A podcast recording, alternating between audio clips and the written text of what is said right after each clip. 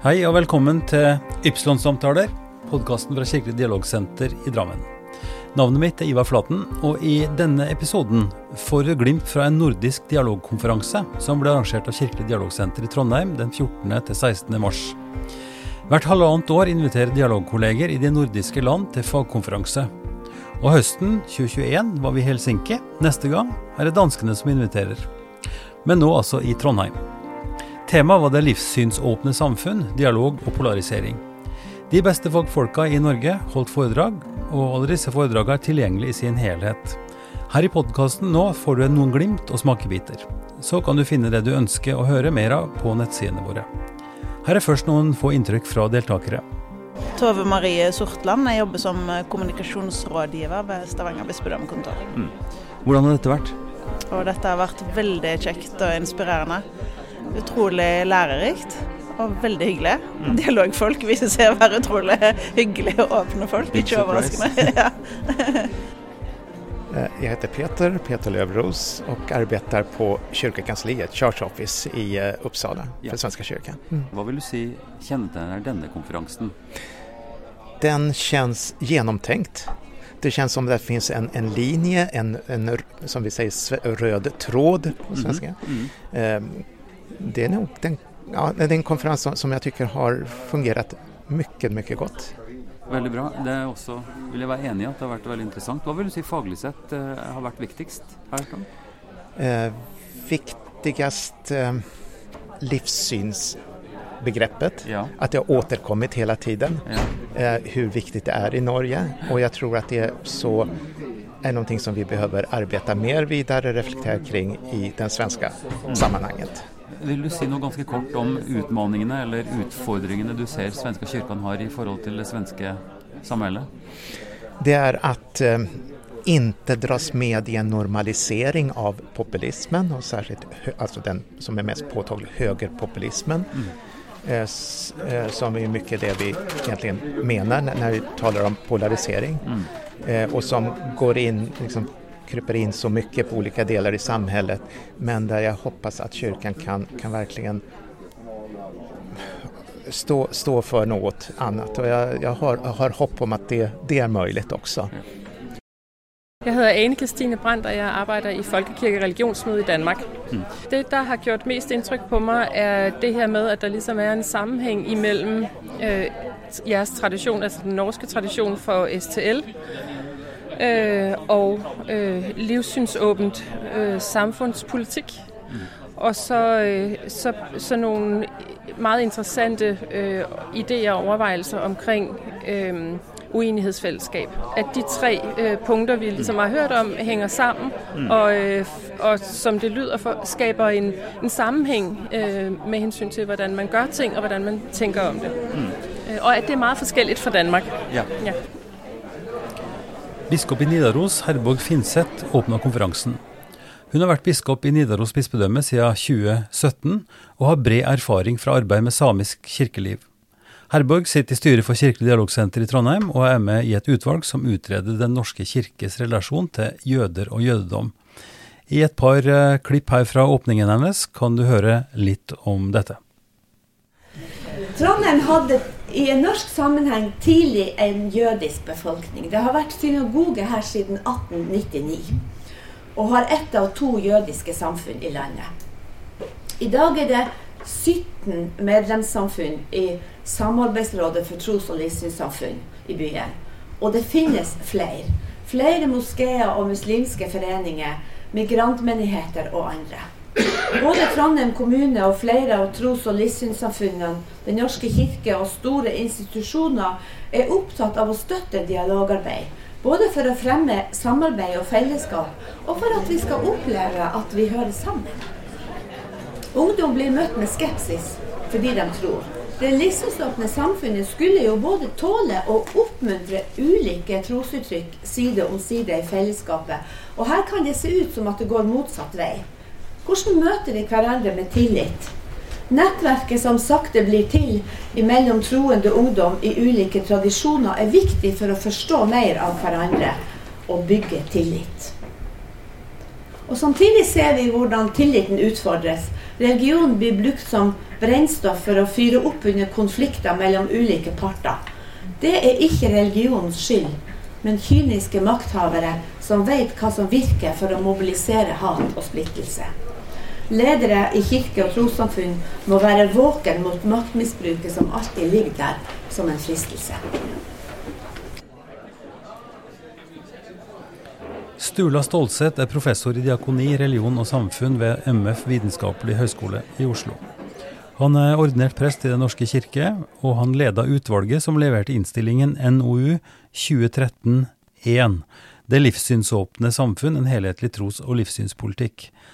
Dette dokumentet er jo grunnlaget for debatten og for lovgivninga som nå er i Norge, om det livssynsåpne samfunnet, et begrep som også Stålsett står bak. Han er også aktuell med bøker, eh, ny bok nå etter ti år, da, eh, med, med, dette arbeidet med det livssynsåpne samfunnet, som heter Det livssynsåpne samfunn, eh, som ble gitt ut i 2021. Og han er også med i boken Populisme og kristendom, som er redigert sammen med Kristin Graf Kallevåg og Svein Tore Kloster. Begge disse bøkene blir nevnt her i konferansen. Du får nå et par eh, klipp fra Stula Stålseth sitt eh, foredrag. Eh, I 2010 så eh, jobbet jeg i Kirkens Bymisjon eh, og arbeidet mest med diakonalt arbeid, sosialt arbeid, i konflikt og, og, forsoning, for så vidt. ikke sant? Hele dette sosiale feltet. Og så ble jeg utfordret av daværende eh, eh, minister for tros- og livssynsspørsmål, eh, Anniken Huitfeldt, som nå er utenriksminister, ringte og spurte om jeg kunne tenke meg å lede et utvalg som Jens Stoltenberg, daværende statsminister i Norge, hadde annonsert i Stortinget en junidag i 2010 at vi trenger en ny gjennomgang av tros- og livssynspolitikken i Norge. Hvorfor, treng, hvorfor sa Jens Stoltenberg det? Den korte tidshorisonten for det var at i 2008 så var det et forlik mellom alle partiene på Stortinget om å endre Grunnloven på alle de punktene som bandt Den norske kirke til staten som en del av statssystemet og statsstyret. Og i og med at det var besluttet, så kom han inn i en situasjon hvor det ikke lenger var slik at den norske stat bare kunne så å si se på tros- og livssynsfeltet gjennom Den norske kirke og med et bitte lite sideblikk på resten av feltet. Man måtte tenke gjennom på nytt hva som nå skulle være forholdet sett fra statens side på borgernes livssyn, enten de var medlemmer av Den norske kirke, eller kanskje spesielt når de ikke var det. Så det var utgangspunktet. Og bakgrunnen for det, den lange historien, er jo den historien som vi kjenner i de nordiske landene. Altså en ganske betydelig demografisk endring i løpet av relativt sett kort tid. Altså I de lange linjene som tros- og livssynspolitikken har, tilbake til reformasjonen og, og, Jesu fødsel, og jeg vet ikke hvor langt tilbake vi skal gå, så er det relativt sett stor endring fra 1970 med over 90 av, uh, av befolkningen i Norge som medlemmer av Den norske kirke. Uh, og i 1988 med 88 uh, andel til dagens situasjon hvor er vi? 65? 64,9. 64,9. Der, er, der, er, der skjer uenigheten. Jeg sier 65, hun sier 64,9. Human-Etisk Forbund. Ikke sant? Sånn, og nedadgående kurve på andelen av medlemmer i Den norske kirke. Ikke først og fremst fordi folk melder seg ut, derfor også, men ikke så mye det som fordi befolkningen endrer seg pga. Eh, nye befolkningsgrupper som ikke naturlig sogner til Den norske kirke som sitt trosfellesskap. Fortsatt majoritet av også de som kommer til, er kristne. Eh, men de sogner til migrantmenigheter, til Den katolske kirke osv. Dette bildet kjenner dere. Men det er jo bakgrunnen for, eh, eh, sammen med, ikke minst, en viktig rettighetskamp for tros- og livssynsminoritetene, som økte bevisstheten hos myndighetene om at dette må vi faktisk forholde oss til på en annen måte enn vi har gjort før. Så det var bakgrunnen.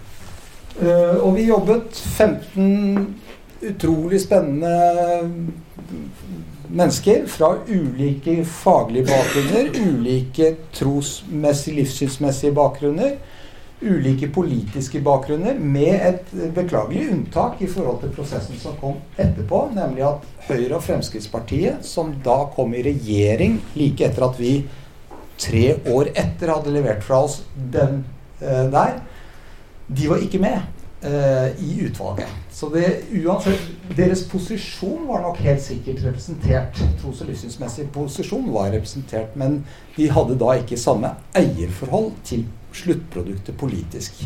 Noe som kan ha forsinket oppfølgingen. Eh, den ble levert i 2013, og den nye loven ble vedtatt i 2020. Trådte i kraft i 2021. Hva mente vi med et livssynsåpent samfunn? Bare for å slå det helt fast. To grunnleggende poenger. Et samfunn som, og det er åpenhetsdelen, har rikelig plass for tro og livssyn i samfunnet. I det offentlige. I det private. Og med åpent her kan man både lese inviterende og mangfoldig. Og inviterende kan man også lese mer formelt politisk aktivt støttende. Aktivt støttende tros- og livssynspolitikk er i norsk sammenheng en teknisk term for den formen for relasjon mellom stat og tros- og livssynsfeltet som vi har i de nordiske landene. Til stor forskjell fra f.eks. For Frankrike, Storbritannia og veldig mange eh, USA og veldig mange andre land. Men ikke sant? Det ligger det her. Fortsatt rikelig rom for tros- og livsutfoldelse som staten bidrar til og legger til rette for. Men med den viktige forutsetning og det andre punktet, og disse punktene henger sammen i termen 'det livssynsåpne samfunn', at det må da være basert på likebehandling av borgernes ulike livssyn og da, legg merke til religiøse så vel som sekulære. Det er et særkjenne vi har faktisk i Norge, til forskjell fra både Danmark og Sverige. At Human-Etisk Forbund og den sekulære livssynstradisjonen er innlemmet i tros- og livssynspolitikken og støtteordningene. Det er ikke nytt etter denne. Det går tilbake til 1979. 81. jeg På en måte har du rett, for det ble bevilget et par over statsbudsjett, og så kom loven i omtid. Å, så godt å høre. Jeg var enda litt mer presis enn henne, egentlig. Men du visste det. Ja, ikke sant? Så det går tilbake. Men den likebehandlingen er interessant. Altså, Den er også noe å legge merke til. At den har man, vet dere jo godt, ikke er på samme måte i Sverige og Danmark. Og man kan si at det går tilbake eh, Man kan se det, spore det i måten eh, religion and belief i, i tros- og livssynsfrihetsbegrepet menneskerettighetene, oversettes på. Om de oversettes som synonymer eller religious faith and non-religious faith eller secular uh, convictions, eller hvordan man oversetter. Ok. Denne posisjonen oppfattet vi som en tredje posisjon mellom to grøftekanter. Den livssynshegemoniske, monopolistiske posisjonen som vi på sett og vis kom fra, og kommer fra, i våre land og tradisjoner, på den ene siden, og den strikte sekularistiske posisjonen på den andre siden, som pga. mangfoldets problemer trekker religion og livssyn og sånn helt inn i det private rom og ut av uh, de offentlige rom og politikken som sådan. Så, så livssynsåpne samfunn er ment som en bevisst polemisk uh, begrep mot det livssynsnøytrale samfunn, og plassert mellom disse to si, motpolene av systemer. Bente Sandvik er spesialrådgiver i Human-Etisk Forbund, og hun var nestleder i utvalget som eh, ga den offentlige utredningen om det livssynsåpne samfunnet. Og her i sitt innlegg så gir hun sine perspektiv på arbeidet, og hvor vi er ti år etter. Er det livssynsåpne samfunnet robust i møte med uenighet? Hvilke muligheter og dilemmaer møter vi? Og er et livssynsåpent samfunn tilstrekkelig motkraft mot polarisering? Vi får noen glimt ifra det foredraget. Er det livssynsåpne samfunnet robust i møte med uenighet? Svaret på det er det kommer helt an på oss og andre gode krefter. Det er ikke noe automatikk i at vi blir mer robuste fordi vi politisk har et omforent retorisk grep, for å si det sånn. Det endrer ikke i seg selv virkeligheten. Hvilke muligheter og dilemmaer møter vi? Det håper jeg at jeg dekker noe i innledningen min. Og er et livssynsåpent samfunn en tilstrekkelig motkraft mot polarisering? Da kan dere bare notere ned svaret. Nei, det er det ikke. Igjen må vi gjøre veldig mye mer. Ja. Men jeg hadde lyst til også å si litt om historien. Hvor kommer vi fra? Fordi veldig ofte så framstilles det som det var det monokulturelle samfunnet, det var én religion, men det var jo også en kamp for en frihet som var en del av den historien. Så jeg skal dra oss veldig raskt gjennom det. Og så skal jeg si en del om hva som har skjedd, og også vise til endringene i Grunnloven og på en måte utviklingen i dette stats-kirke spørsmålet og relasjonen. Jeg satt også før jeg havnet som nestleder hos Stule, så var jeg med i det forrige utvalget som vurderte relasjonen mellom stat og kirke. Det som kalles Gjønnes-utvalget i Norge. Og som førte fram til stat-kirke-forliket, som Sturla så vidt har vært innom. Og så skal jeg si litt spesielt om finansieringen i Norge, for den er jo litt atypisk i forhold til de andre nordiske land. Så den hadde jeg lyst til å touche innom. Og også problematisere litt, sånn som Sturla gjorde på slutten her. Og så skal jeg si litt mer om disse forslagene som er kommet i etterkant. Og så hadde vi satt opp hver vår liste om hva Stula mener vi må snakke mer om, og hva Bente mener vi må snakke mer om. Og noe av det som står på min liste, er nettopp hva innebærer nå egentlig dette det livssynsåpne samfunn? Hva, hva, er forskjellen på det og det vi hadde før, eller det vi kunne ha hatt? Og så syns jeg vi må snakke mer om grenseoppgangen, som Stula også nevnte så vidt. Hva er dette offentlige rom? hvor vi skal eksponeres for hverandres tro og livssyn. Hva er det i forhold til offentlige institusjoner, og hvor skal vi dra disse grensedragningene? Vi kommer ikke til å bli ferdig snakket på den ene timen, men jeg skal i hvert fall antyde noe av dette. Og så vil jeg også tematisere litt det at vi, vi har fått én lov, som Sturla også sier, men den er veldig forskjellig i tonen når det gjelder å snakke om vår tradisjon, Den norske kirke. Den skal understøttes som en demokratisk folkekirke som er landsdekkende og til stede overalt. Og så er det mye mer sånn passe på å kontrollere når det gjelder de andre. Og så skal jeg snakke om hvordan vi da, hvordan i all verden skal vi få til reell likebehandling når vi har så forskjellig syn på disse enhetene her i forhold til størrelse, eller i tillegg til størrelse. Og så litt mer om denne manglende bærekraften i dagens finansieringsordning. Vi braser av gårde, og jeg har skrevet nokså mye på disse foreldrene mine, nettopp fordi jeg snakker til dansker og svensker og nordmenn, og, en finne. Sånn at dere har noe knagger å henge det jeg sier på. Jeg skal ikke si alt, og jeg skal ikke dreie noe absolutt alt. Men vi kommer altså fra en historie hvor Norge ble kristnet, og så suser vi raskt fram til reformasjon, enevelde, hvor kongemakt og kirkemakt gjensidig legitimerer hverandre, og hvor det var forbudt å være noe særlig annet. Og som Sturla også nevnte, man måtte være konfirmert for å få stemme ved valg og være et voksent, anstendig menneske.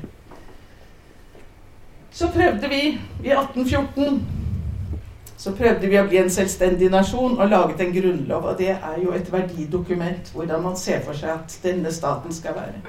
Den er sterkt preget av opplysningsidealene, opplysningstidens idealer, på alle områder bortsett fra det med religion. Der er den veldig stram. Der var det nasjonsbyggingsprosjektet og enhet som var det viktigste. Så vi fikk altså en veldig sånn streng statskirkeordning Og det tok tid, og kampen Og jeg, jeg står absolutt på skuldrene til de fri, fri, frikirkelige som kjempet kampen for religionsfrihet, som gjorde at jeg i neste omgang også kan leve med stor grad av religionsfrihet som ikke-troende. De hadde en dissenterlov som omsider kom i 1845. Det var første gang det var lov å være annerledes kristen enn den norske kirkekristen i Norge. Og før det så var denne her, dette forbudet mot å samles osv. opphevet. Jødeforbudet det satt litt lenger inne. I 1851 ble jødeforbudet opphevet i Norge. Mens det var blomstrende jødiske forsamlinger i Danmark i hvert fall, og i Sverige det.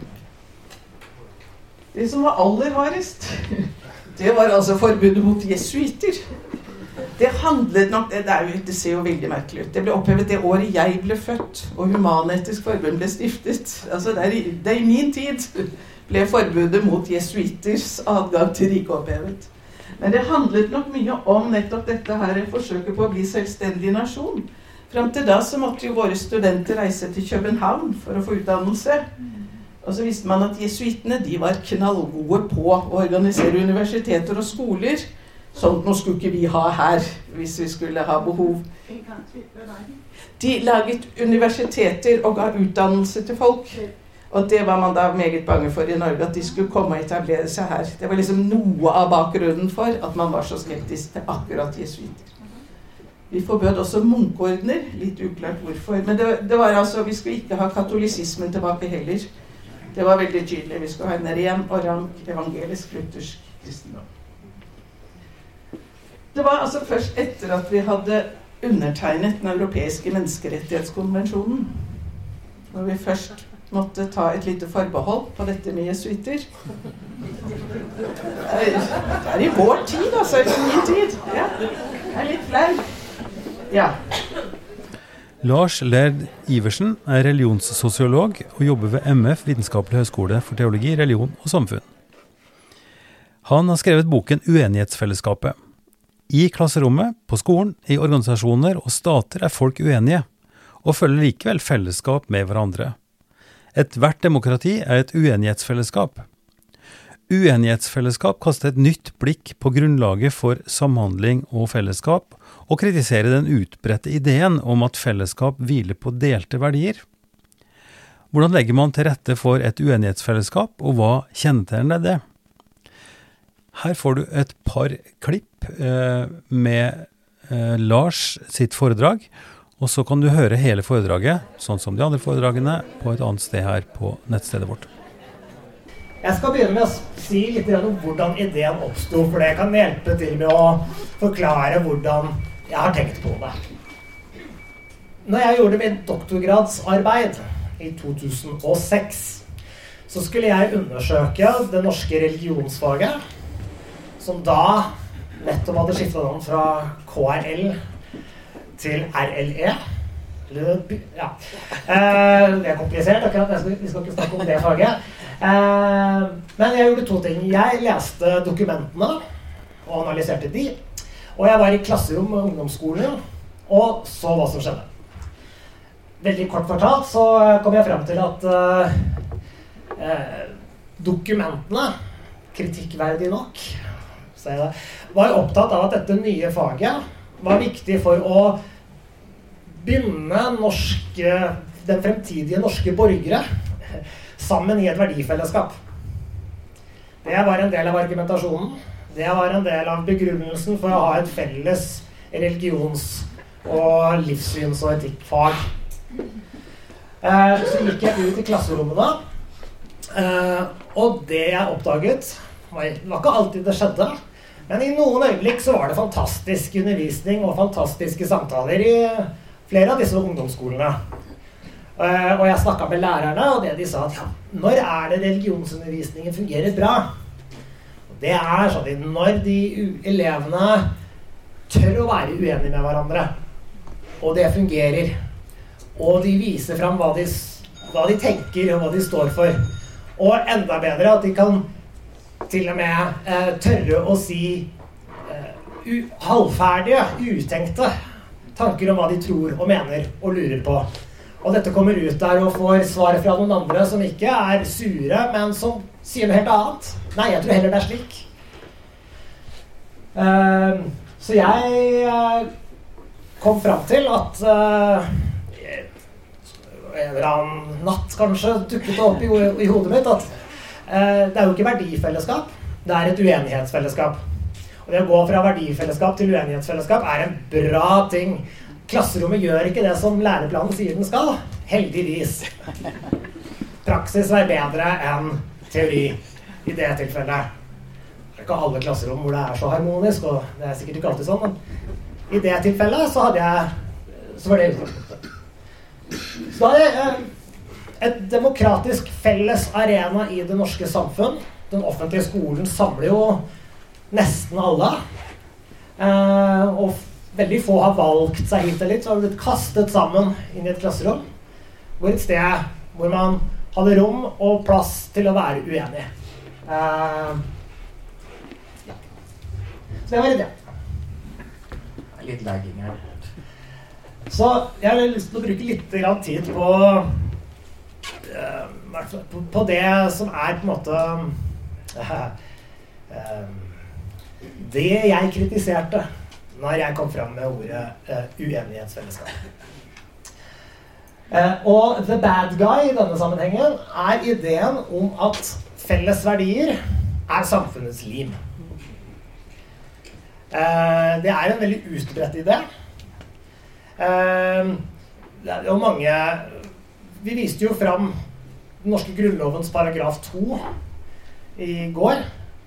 der gikk det jo fra det var gode grunner til det. altså Den gamle var ikke noe bra, den heller. Men da gikk det fra at uh, at den evangelisk-lutherske religion var statens offentlige religion, så det er en forfatningsmessig setning, til at vårt verdigrunnlag forblir vår kristne og humanistiske arv. Det er jo en tanke om at et samfunn trenger et verdigrunnlag, og at dette er med på å fortelle noe om hvem hva Norge er, Norges identitet, og presenterer at Norge er eller bør være et verdifellesskap. Eh, hvis dere, jeg har tenkt at eh, se, hvis man går til næringslivet, så har man sånne der, eh, seminarer. Så tar det ikke lang tid før en eller annen coach har lyst til at man skal Vi må identifisere verdien. Ikke sant? Og hvorfor gjør man det? Det er, ikke, det er for å skape Ideen er at det skaper identitet. At det skaper fellesskap. Jeg tror ikke det er sant. Eller det kan være sant, men det er ikke alltid det er sunt.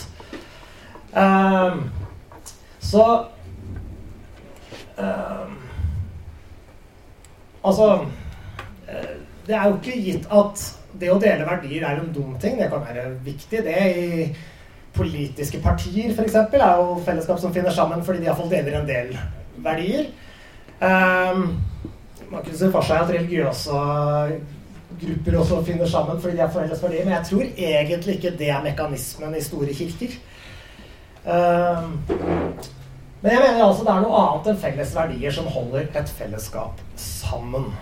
Våre felles praksiser, våre felles kunnskaper kanskje, våre felles ritualer, våre felles referanserammer.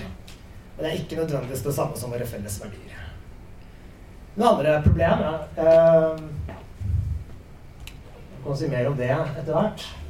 Hva er galt med denne ideen om verdier som samfunnslim? Vel, for det første så mener jeg det er faktisk galt. Eh, det stemmer ikke.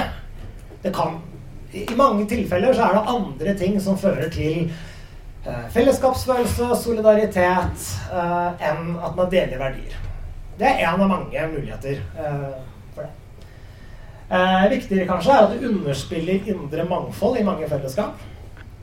Eh, så hvis noe blir presentert som et verdifellesskap, så er det med på å dekke over og gjemme bort og ikke sette ord på de verdiuenighetene og det mangfoldet som fins innafor. Samtidig så er det ofte slik at det er med å forstørre ytre forskjeller. Hvis forskjellen mellom meg, oss og dem ikke bare er geografiske forskjeller, eller sånne ting, men er verdiforskjeller. Så blir de tyngre og mer skjebnetunge De blir dypere og mer skjebnetunge enn de trenger å være.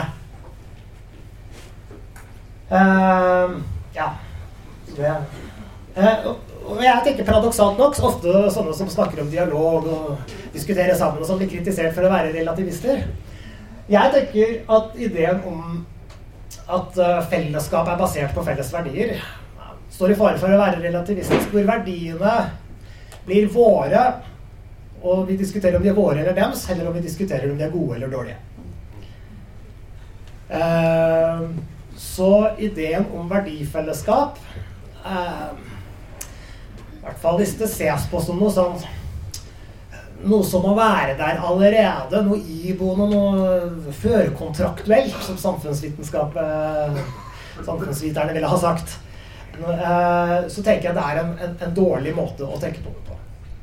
Eh, hvis vi derimot i løpet av samtale i fellesskap diskuterer oss fram til felles mål vi vil ha for fremtiden, så er det en helt annen demokratisk prosess som ligger under den, et felles mål. Eh, men eh, man kan jo kalle det at man da har felles verdier.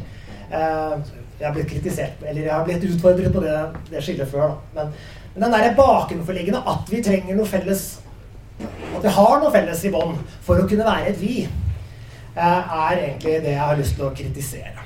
Og denne ideen dukker opp titt og ofte. Ok, Et par andre ting. Jeg tenker at Når jeg ser på uh, debatter i Livssyns-Norge, så føler alle at de sparker opp. Uh, konservative i Norge er i en ny posisjon, hvor de kanskje har mista sin posisjon i, i, Den norske kirke og føler seg nå sårbare, og at de sparker opp når de kjemper for sin egen sak. Uh, liberale og kvinner og seksuelle minoriteter føler definitivt at det er en sårbar situasjon. Og at det har minner og en historie av marginalisering som overhodet ikke er på en måte uh, ferdig behandla eller orientert, og at det fortsatt finnes spor av gammel hegemoni. Og føler definitivt også at dette er posisjoner som sparker opp. Uh, forholdet mellom humanisme og kristendom er også veldig rart i den sammenheng. I formelle sammenhenger og medlemstall og historiske uh, posisjoner så er jo kristendommen dominant og humanist kristne en minoritet. I hverdagslivets samfunnsdiskusjon så er det kristne som opplever seg som en sårbar minoritet, og humanismen som forvalter fellesskapets normalitet. Og det er jo eh, det vil være Human-Etisk Forbunds eh, største utfordring, er å håndtere den både hva skal jeg si, ja, kulturell majoritet, men institusjonell minoritet. Eh, samtidig. Og tilsvarende Kirke-Norges utfordring er jo å være historisk og institusjonell hegemon med en opplevd kulturell minoritet samtidig. Og de dårligste forsøkene tenker jeg jobber med å på en måte opprettholde sin minoritetsstatus ved å tviholde på hegemoniets spøkelser. Og, og håpe på litt av det fortsatt. Så dette, dette, tenker jeg er egentlig utgangspunktet at mange av debatter i Livssyns-Norge kan føles litt såre. Og det handler om en, uh, tror jeg, en følelse av å sparke opp. uh, og det gjør noe med maktforholdene og den på en måte, emosjonelle tonen som mange av disse debattene føres i. Kristin Graff eh, Kallevåg er førsteamanuensis i systematisk teologi og religionspedagogikk ved MF vitenskapelig høgskole. Hun har fått tema Korset, kristendommen og det norske, altså populisme og kristendom. Kristin er aktuell med boka 'Populisme og kristendom'. Populisme konstruerer skillelinjer der en av virkemidlene som brukes, er behovet for å verne den såkalte vestlig kristne kulturen. Her får vi vite mer om hvordan kristne symbol og verdier benyttes som nasjonale identitetsmarkører. Også et par klipp fra hennes foredrag her. Men hva er populisme? Jeg tror Før vi starter eh, Jeg skal komme med en mer grundig definisjon senere, men bare en liksom foreløpig forklaring. For uh, å være populist Populisme er noe man gjerne slenger litt rundt seg. Men her så forstår jeg populisme eh, som en måte å snakke på, så å si. En, en måte å eh, Et retorisk eller stilistisk repertoar Eh, men populisme, ordet populisme kommer jo fra populus, som rett og slett betyr folket. Så du kan kanskje oversette med folkisme. Ikke sant? Det, det er, I populisme er man opptatt av folket. Hvem er folket? Eh, og, og, dette defineres jo da gjerne eh, en, en, populistisk leder, en populistisk politiker, eh, vil jo da gjerne hevde å, å tale på vegne av folket. Imot f.eks. det man regner som en korrupt elite. Jeg representerer dere folket, i motsetning til denne forferdelige eliten, den korrupte eliten. Eh, og så definerer man også gjerne, ikke minst i høyrepopulisme, folket i motsetning til den kulturelle andre. Vi er folket. Vi er f.eks. det kristne, norske folket, i motsetning til disse muslimske andre. Um, vi skal komme tilbake til denne definisjonen av populisme. Men først så skal vi bare aktualisere det litt. Samtidig som vi da går litt tilbake i tid. To år til 2020. Og dere husker kanskje dette bildet av Donald Trump? Um, og, og, bakgrunnen er jo da drapet ikke sant, på George Floyd. Eh, som skjedde eh, Afroamerikanske George Floyd som skjedde under en pågripelse på åpen gate i Minneapolis. Drapet førte til massive protester. Det husker vi fra TV-skjermen.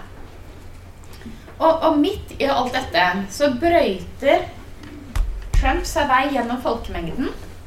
Går opp på en kirketrapp foran St. George John's Church med Bibel i hånd. Og da riktignok Bibelen opp ned. Og han truer med å skulle få stått på de voldsomme demonstrasjonene. Altså, Hvorfor holder han Bibelen her? Hvorfor har han med seg Bibelen? Hva er dette her for noe? Altså, en, en teori er i hvert fall at han bruker Bibelen for å gi en slags religiøs legitimering av sin det vi i hvert fall kan kalle en polariserende agenda. Um, og det her er ikke første gang han bruker religion og kristendom på denne måten. Hvis man går tilbake og ser på uh, fra 2017, innsettelsestalen hans, så ser vi hvordan hver kristendommen og Bibelen brukes til å definere hva det rette folket er. Hva det gode folket er. I talen så kan vi lese følgende bibelvers, som han siterer. Hvor godt det er når Guds folk lever sammen i enhet ganske flott. Eh, samle med bibelvers, skulle man tenke. Og dette bibelsitatet er hentet fra Salmenes bok. Og når vi leser videre i den talen, så skal vi se hvordan er det han da definerer dette folket. Han sier i dag overføres det ikke bare makt fra én administrasjon til en annen. Eller fra ett parti til et annet. Vi overfører makta fra Washington DC og gir den tilbake til dere, folket. Og her ser vi hvordan han på populistisk vis hevder å tale på vegne av folket og mot en elite. Det han hevder, er den korrupte eliten i Washington. Og, og, med dette bibelverset om hvordan Guds folk, altså dette folket, lever sammen i enhet, kan det synes som at han prøver å gi, eller søker å gi det han sier er en slags religiøs legitimitet. Og når vi ser hvilke konkrete uttrykk denne elitekritikken og polariserende agendaen skulle få, som i stormingen av Kongressen, f.eks., og ikke minst, så får denne bruken av bibelverset et dystert preg. Vi blir minnet om hvordan religion kan tas til inntekt for og brukes som en ressurs for en ekskluderende og polariserende politikk. Men hva er populisme? Nå skal vi bare, Før vi begynner å se konkret på hvordan religiøse symboler brukes i populismen, så skal vi gå litt inn på definisjon. For en av fellestrekkene med de ulike kapitlene i boka er at vi rett og slett bruker en som heter Rogers Brubaker, veldig mange av oss, i definisjonen av populisme. Um, og han er opptatt av at populisme ikke først og fremst handler om et bestemt innhold. Altså eh, idémessig innhold, men at det handler om en måte å snakke på. Det er et, et diskursivt og stilistisk repertoar. Eh, og et, et, kjennetegn er at man hevder å snakke på vegne av folket. Man hevder å snakke på vegne av folket. Men hvem dette folket er, kan jo variere veldig. Det skal jeg komme tilbake til. Eh, og videre så mener man at man snakker på vegne av folket imot, og folket, der folket defineres i motsetning til en elite. Eh, en elite som man mener på et eller annet vis ikke klarer å representere dette folket på en god måte, eller beskytte folket på en god måte, eller forsvare folkets eh, interesser på en god måte. Og så er det også en, så en vertikale linje. Og så er det også en horisontal linje eh, der man definerer folket i motsetning til en annen. Noen andre. Og i, i høyrepopulisme i Europa så er jo det gjerne eh, muslimske innvandrere, ikke sant? Som er trusselen. En trussel enn dette folket må beskyttes fra. Men i venstrepopulisme så kan det være storkapitalistene. ikke sant? Sånn venstrepopulisme i Sør-Amerika. Så kan det tvert imot være storkapitalistene. Sånn at her er det Og det er det som er, er litt av poenget med å bruke denne definisjonen, er at da kan man gjenkjenne populisme ganske på ganske ulike arenaer. Eh, fordi hvem som regnes som de andre, kan være ganske forskjellig eh, ettersom eh, hvor populismen skjer. Og så er det jo ofte litt interessant å legge merke til at særlig når populistiske ledere hevder at de snakker på vegne av folket og mot eliten, så er de jo gjerne elite selv. Ikke sant? Sånn som Trump. Han snakket jo veldig negativt om eliten. Men han var jo i sin, da han var president, var han jo virkelig en av eh, verdens mest mektige menn. Eh, så det er, det er noe, eh, noe litt snodig der av og til. Og så er det i tillegg en rekke andre eh, eh, kjennetegn. Jeg skal ikke her nevne alle, men noen kan være litt relevante, ikke minst hvis man skal diskutere det her med henblikk på, på, kirka og hvordan snakke om eh, norsk kulturarv osv. Og, og da er det bl.a. det som kalles for majoritetisme. Er det det vi har oversatt det til norsk? Men altså at man hevder å beskytte majoritetens interesser. Eh, at at folk flest ikke sant? Dere kjenner igjen den, den, fra politikken. I hvert fall dere i Norge, så er det eh, den folk flest Siden folk flest er kristne, f.eks., så bør man eh, Så det er et kjennetegn som av og til dukker opp. Og så er det dette med stil. Hvilken eh, At man gjerne har en litt sånn lavere lavere, at man vil snakke enkelt, snakke folkelig, gå folkelig kledd. Det var noen i går som gjorde meg oppmerksom på hvordan Trump skiftet klesstil da han ble president. Fra å gå i litt sånn slimfit til å gå i litt sånn stor dress. For stor dress. Og der noen sier at ja, men det var ikke tilfeldig. Det er typisk populistisk at du liksom skal kle deg som folk flest. Eh, nå blir det litt sånn Norge-internt, men se på hårfrisyren til Sylvi Listhaug. Hun har endret på hårfrisyre nå. Altså Jeg tror ikke det er tilfeldig eh, hvilken hårfrisyre hun valgte. Kanskje det er det. Men hvis man hvis man eh, analyserer hennes stil ut fra sånn populismeteori, så gir det mening, eh, den hårsveisen hun nå har anlagt. da. Men, eh, si hvem hun tilhører.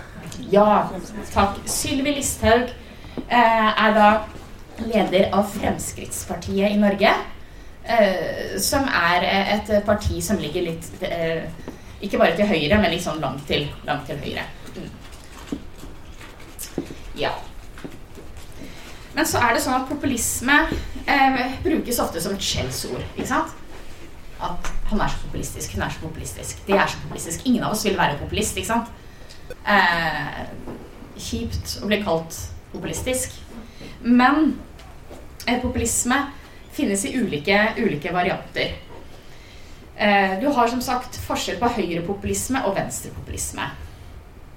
Eh, og, og, du har også Det her er Katrine Torleifsson eh, hadde et veldig godt poeng i hennes når hun hadde en veldig sånn fin presentasjon av, av denne boka på boklanseringen. Og da, i hennes uh, lille foredrag om populisme der, eh, så vektla hun veldig dette eh, forholdet mellom inkluderende og ekskluderende populisme. Ikke sant? At når er populisme et problem? Jo, det er når populismen er ekskluderende. Det er jo da den blir et problem. Men all populisme er ikke nødvendigvis ekskluderende. Fordi at man kan f.eks.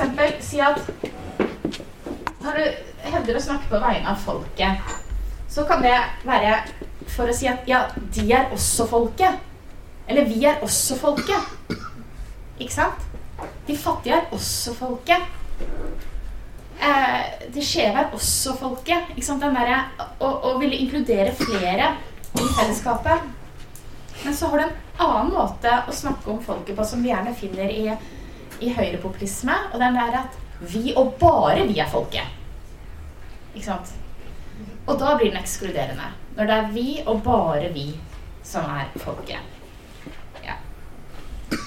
Og det er mange andre forskjeller, og det, og det, er veldig interessant å se på. Sånn som Jorunn Økland har som sagt eh, analysert eh, kjønnsperspektivet i populismen.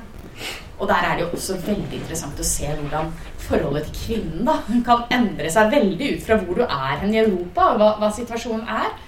For at Tradisjonelt sett ikke sant, så er det jo høyrepopulisme har et veldig tradisjonelt kvinnesyn og opptatt av tradisjonelle kjønnsrollemønster. Eh, men når høyrepopulisme skal definere folk i motsetning til muslimer, da blir det jo plutselig det liberale synet på kvinnen, ikke sant? Som er det gode. Så det viser hvordan ting er litt i flyt, alt ettersom hvem man definerer seg i motsetning til. Når religiøse symboler brukes i høyrepopulisme, så er det som regel for å markere kulturell og nasjonal identitet. Så religiøse symboler brukes som markører for identitet for kulturell og nasjonal identitet. Og det må forstås i lys av den kulturkampen som de opplever å stå i. Tanken om at kulturen er truet, det vi har, er truet, og dette må beskyttes. Og det, det handler altså om å beskytte, bevare og fremme den vestlige kultur. Og da forstås jo kultur som noe rent. Som en pakke, noe rent som må bevares, og som ikke er i flyt.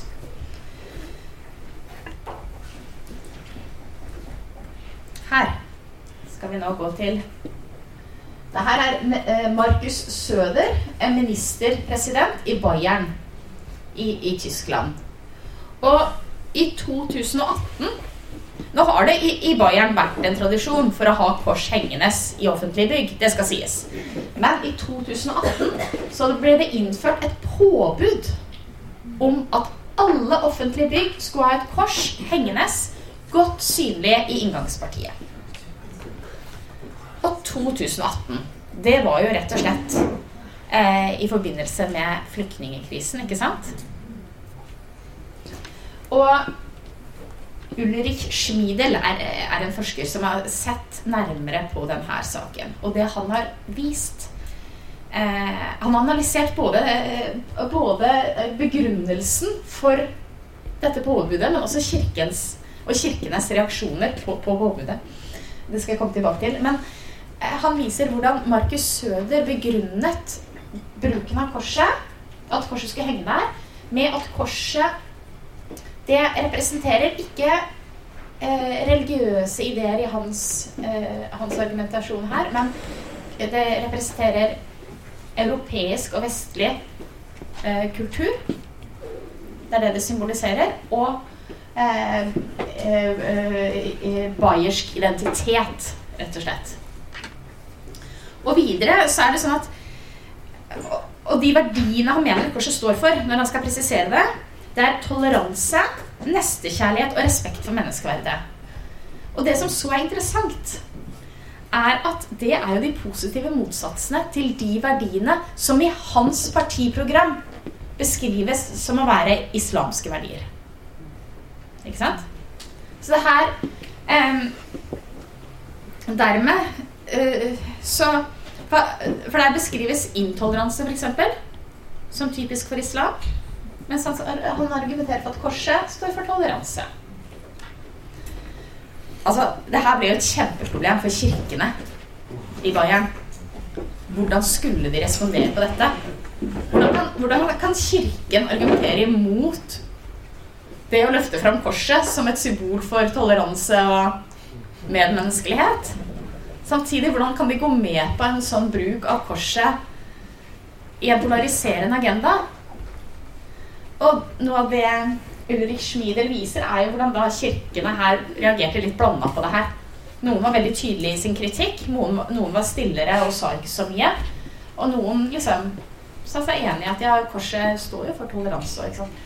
Så det, det, setter jo kirkene i en slags skvis når, når eh, korset brukes på en sånn måte. Men det som skjer her i begge disse tilfellene, er det jo at eh, religiøse symboler brukes hektes på en, en, kulturell og nasjonal identitet. Og jeg tenker bare ved å stå For en politiker, bare ved å stå holde Bibelen sier jo noe om hvem man regner som på innsiden og på utsiden. ikke sant? At det er noe i disse handlingene, ikke bare i det de sier, men også i det de, det de gjør. Konferansens siste foredrag ble holdt av Ingrid Rosendorf Joyce. Ingrid er generalsekretær for Samarbeidsrådet for tros- og livssynssamfunn, STL. Og hun har lang erfaring med og kompetanse fra bistand og interreligiøst diplomati og dialogarbeid. Hun har starta opp, leda og deltatt i en rekke dialoger i Norge. Og hun var også nestleder i Oslo kommunes tros- og livssynsutvalg, som leverte utredningen Tro det eller ei. Og i 2022 mottok hun Ikkevoldsprisen, altså Martin Luther King-prisen. Foredragets tittel er 'Utfordringer og muligheter med uenighetsfellesskapet fra Samarbeidsrådet for tro- og livssynssamfunn sitt perspektiv'. SL ble etablert i 1996, altså for 27 år siden. Og eh, på 90-tallet så hadde man i grunnen ikke hatt særlig altså Frem til 90-tallet så hadde man ikke hatt særlig mye samarbeid på tvers av, eh, av tros- og livssynsskiller. Men da begynte man så smått å, å ha litt eh, kontakt. Eh, Norge var jo på den tiden veldig, veldig egalitært. Veldig likt. Eh, de aller, aller fleste var medlem i Den norske kirke, i statskirken. Og bare noen ganske få var medlem i andre tros- og livssynssamfunn. Og en del mer eksotiske religioner begynte så smått på en måte å, å komme til, eh, til, Norge. Og det kommet med, med noen eh, mennesker, men det var fremdeles ganske, ganske lite.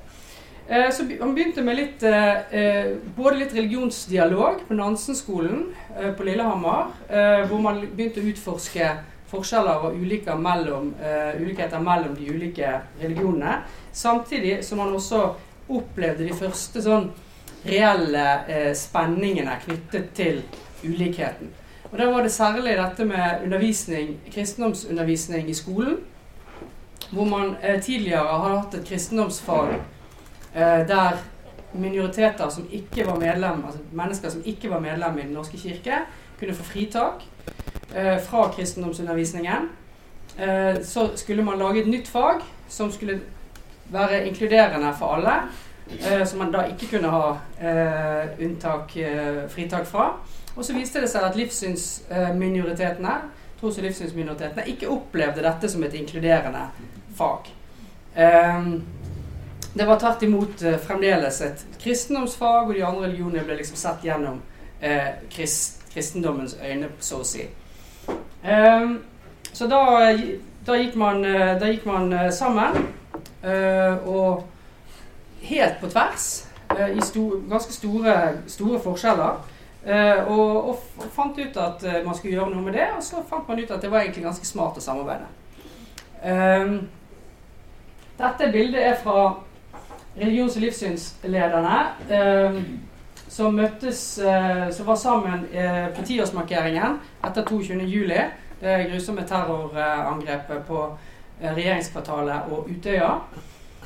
Da inviterte, inviterte regjeringen eh, og, og eh, AUF og støttegruppen for, eh, for eh, etterlatte til en stor markering i Oslo Spektrum som ble sendt på NRK. Og, eh, og da var eh, STL, lederen i STL, en av de få på en måte uten, utenfor. da. Altså Det var tale ved statsminister, konge, leder for Arbeiderpartiet, leder for AUF, og så var det religions- og livssynslederne som, eh, som var til stede. Ganske, ganske ærerikt, selvfølgelig, og, men også veldig viktig. Så sier noe om dette at vi nettopp må tåle disse forskjellene, forskjellene mellom oss.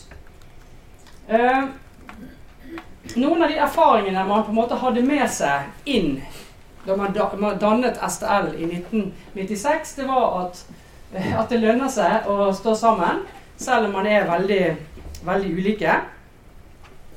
Eh, og hvis man f.eks. tenker på, uh, på muslimene uh, og Human-Etisk Forbund, så er det ganske store verdiforskjeller mellom, mellom de, uh, de, to gruppene, kan man si. da. Og De var to av de gruppene som fant veldig godt sammen i, dette, i denne aksjon livssynsfrihet i skolen, som det var da når man, man ønsket å gjøre noe med kristendomsfaget. Vi viser på en ganske god måte at ok, man kunne møtes om dette, ikke sant? Eh, selv om man ikke nødvendigvis deler alle andre verdier. Vi avrunder disse glimtene fra den nordiske dialogkonferansen med noen eh, inntrykk silt gjennom noen av deltakerne. Det var ca. 60 deltakere. Og flere fra Danmark og Sverige, en fra Finland og ganske mange fra Norge. Her får vi noen reaksjoner. Jeg heter Per Kristiansson og jeg arbeider som forsamlingsprest i Malmö, i Rosengård. Ja. Eh, men jeg arbeider også som stiftsadjunkt eh, på ja, biskopens kontor i Lund med misjon og teologi. Mm. Eh, for de som norske lyttere til denne podkasten, så er Rosengård et stikkord som betyr trøbbel, tror jeg, og vanskeligheter. Si litt om din tjeneste i, i Rosengård. Ja, nej, jag, hade, jag har haft många grupper på besök i Rosengård och jag hade en dansgrupp, det var danska studenter och då hade de hört när de skulle till Rosengård innan att de skulle till gettot. Det är det uttrycket man använder ju i Danmark.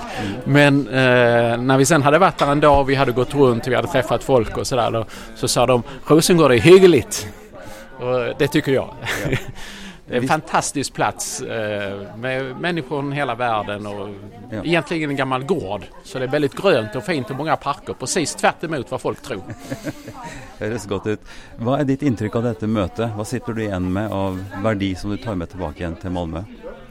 Nei, jeg tykker det är mycket är ju lika mellan våra nordiska länder men det är också mycket som är olika och inte minst i alltså, förhållandet till staten och eh, sekularisering och sådana saker känner man att det, där är det rätt så stor skillnad mellan, jag tror både mellan Danmark och Norge och Sverige. Då. Mm. Mm.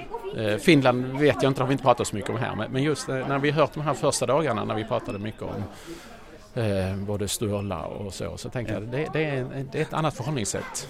Mm. Tack. Tack. Berit Hagen Hage. Jeg jobber i Mellomkirkelig råd i Norge. Vi har vært sammen nå på en, eh, et seminar her i Trondheim. Eh, ganske intenst. Det er mye folk det er på sluttfasen her, så det er mye surr rundt oss. Hva vil du si er beholdninga etter dette seminaret? Hva er det vi har gjort her, og hva syns du du sitter igjen med? Jeg sitter igjen med at vi i de nordiske landene er ganske like. Eh, og samtidig veldig Vi er forskjellige nok til at vi har mye å lære av hverandre. Ja. Og like nok til at det er eh, på en måte ganske enkle samtaler. Ja. Eh, sånn i forhold til når vi driver dialog i det litt mer mangfoldige samfunnet. Ja. Jeg tenker vi, vi er godt uh, rusta i Norge fordi vi i snart 30 år har hatt et organisert uh, dialogarbeid på nasjonalt nivå. Mm. Uh, og som har gitt oss et veldig sånn bredt kontaktnett, men også lært veldig mye av de ulike religionene. Mm. Eh, og jeg tenker at det dialogarbeidet er respektert i storsamfunnet. Mm. Og blir lyttet til av, av myndighetene. Eh, så sånn sett er konfliktnivået i Norge ganske lavt. Ja. Og så tenker jeg at vi sånn eh, På en måte er litt sånn et sted mellom Danmark og Sverige. Altså Danmark ligger litt foran oss i, i utviklinga på mange måter. Og så har vi den danske folkekirken som oppleves som litt håper å si, gammeldags på en måte i forhold til hvor Den norske kirke befinner seg i dag. Mm. Takk skal du ha. Jeg arbeider i øh, Gellerup kirke i Aarhus Mm-hmm. Og en del av Fredens hus. Øh, prosjekt, samarbeid mellom moskeen og kirken. Ja. Mm. De som har lyttet til min podkast, har også fått del i informasjon fra Gellerup tidligere. Ja. Så da vet vi hvor det er. Eh, nå har vi hatt en konferanse her i Trondheim. Eh, hva sitter du igjen med? Hva tar, vil du ta med deg hjem herfra? Eh, en veldig inspirasjon fra alle de gode krefter der er her, og alt det der skjer rundt om. Øh, øh, så motivasjon og inspirasjon til å arbeide videre. Og, øh, og også nysgerrighet på hvordan vi, øh, hvor forskellige vi er. Altså På mange måter ligner vi hinanden, men på mange måter er vi også meget meget forskellige. Mm. Øh, og øh, hvordan Hva er relasjonen mellom græsrodsdialogen og og den statslige forordning, eller hva man skal si, eller sånn på mer offisielt plan. Ja. Tarek Alsagov, daglig leder i Dialogforum Østfold. Vi har hatt en lang konferanse, det begynner å gå mot slutten. Hva er det du vil ta med deg?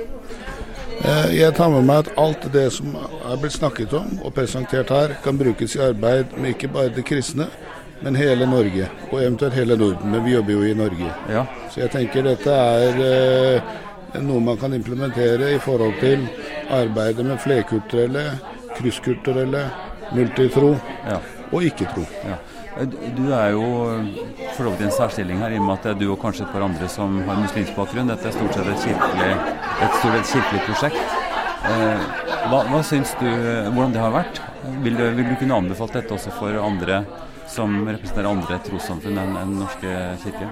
Jeg tror dette fint kunne vært et Altså Jeg forstår behovet for å ha et kristent altså fokuserer på det, men jeg tror man kunne fint brukt den samme agendaen mm. For hele Norge, uavhengig av trosbakgrunn og kulturell bakgrunn. Bare forandre litt på ordene. Ja, takk skal du ha. Tonje, hvordan har det vært? Jeg syns det har vært veldig, veldig fine dager. Jeg opplever at vi har fått mange gode tilbakemeldinger. Mm. Jeg opplever at vi har hatt veldig gode innledere. Mm. Masse god deltakelse i ja. samtale blant deltakerne. Ja. Hva vil du ta med deg som det viktigste du har bidratt med? For det er jo åpenbart at de som kommer fra Danmark og Sverige, og Finland her også, mm. har opplevd dette høyrelevant. Det har jeg forstått. Ja. Hva tenker du vi kan bidra med i forhold til de nordiske landene? Som Norge, tenker du? Ja. Ja. ja. En av de tingene når vi skulle planlegge denne konferansen, var jo nettopp dette livssynsåpne samfunnet. Dette begrepet som har levd i vår virkelighet i, i over ti år nå. Mm. Eh, som har sildret litt ut i de nordiske landene. Og det tenkte vi, det kan vi bidra med å mm. snakke om. Mm. Det er jo ikke det at de ikke jobber med det, men hvilke begreper er det vi har. Ja. Eh, så det har i hvert fall i tidligere samtaler med mine nordiske kollegaer, så har vi snakket en del om det. Mm. Så vi tenkte at det kunne vært være vårt bidrag inn. Ja. Eh, og nå også skal vi jo da få besøk av STL, som snakker litt om den modellen, som også er en veldig norsk modell. Mm. Så jeg tenker at her vi, kan vi lære av hverandre.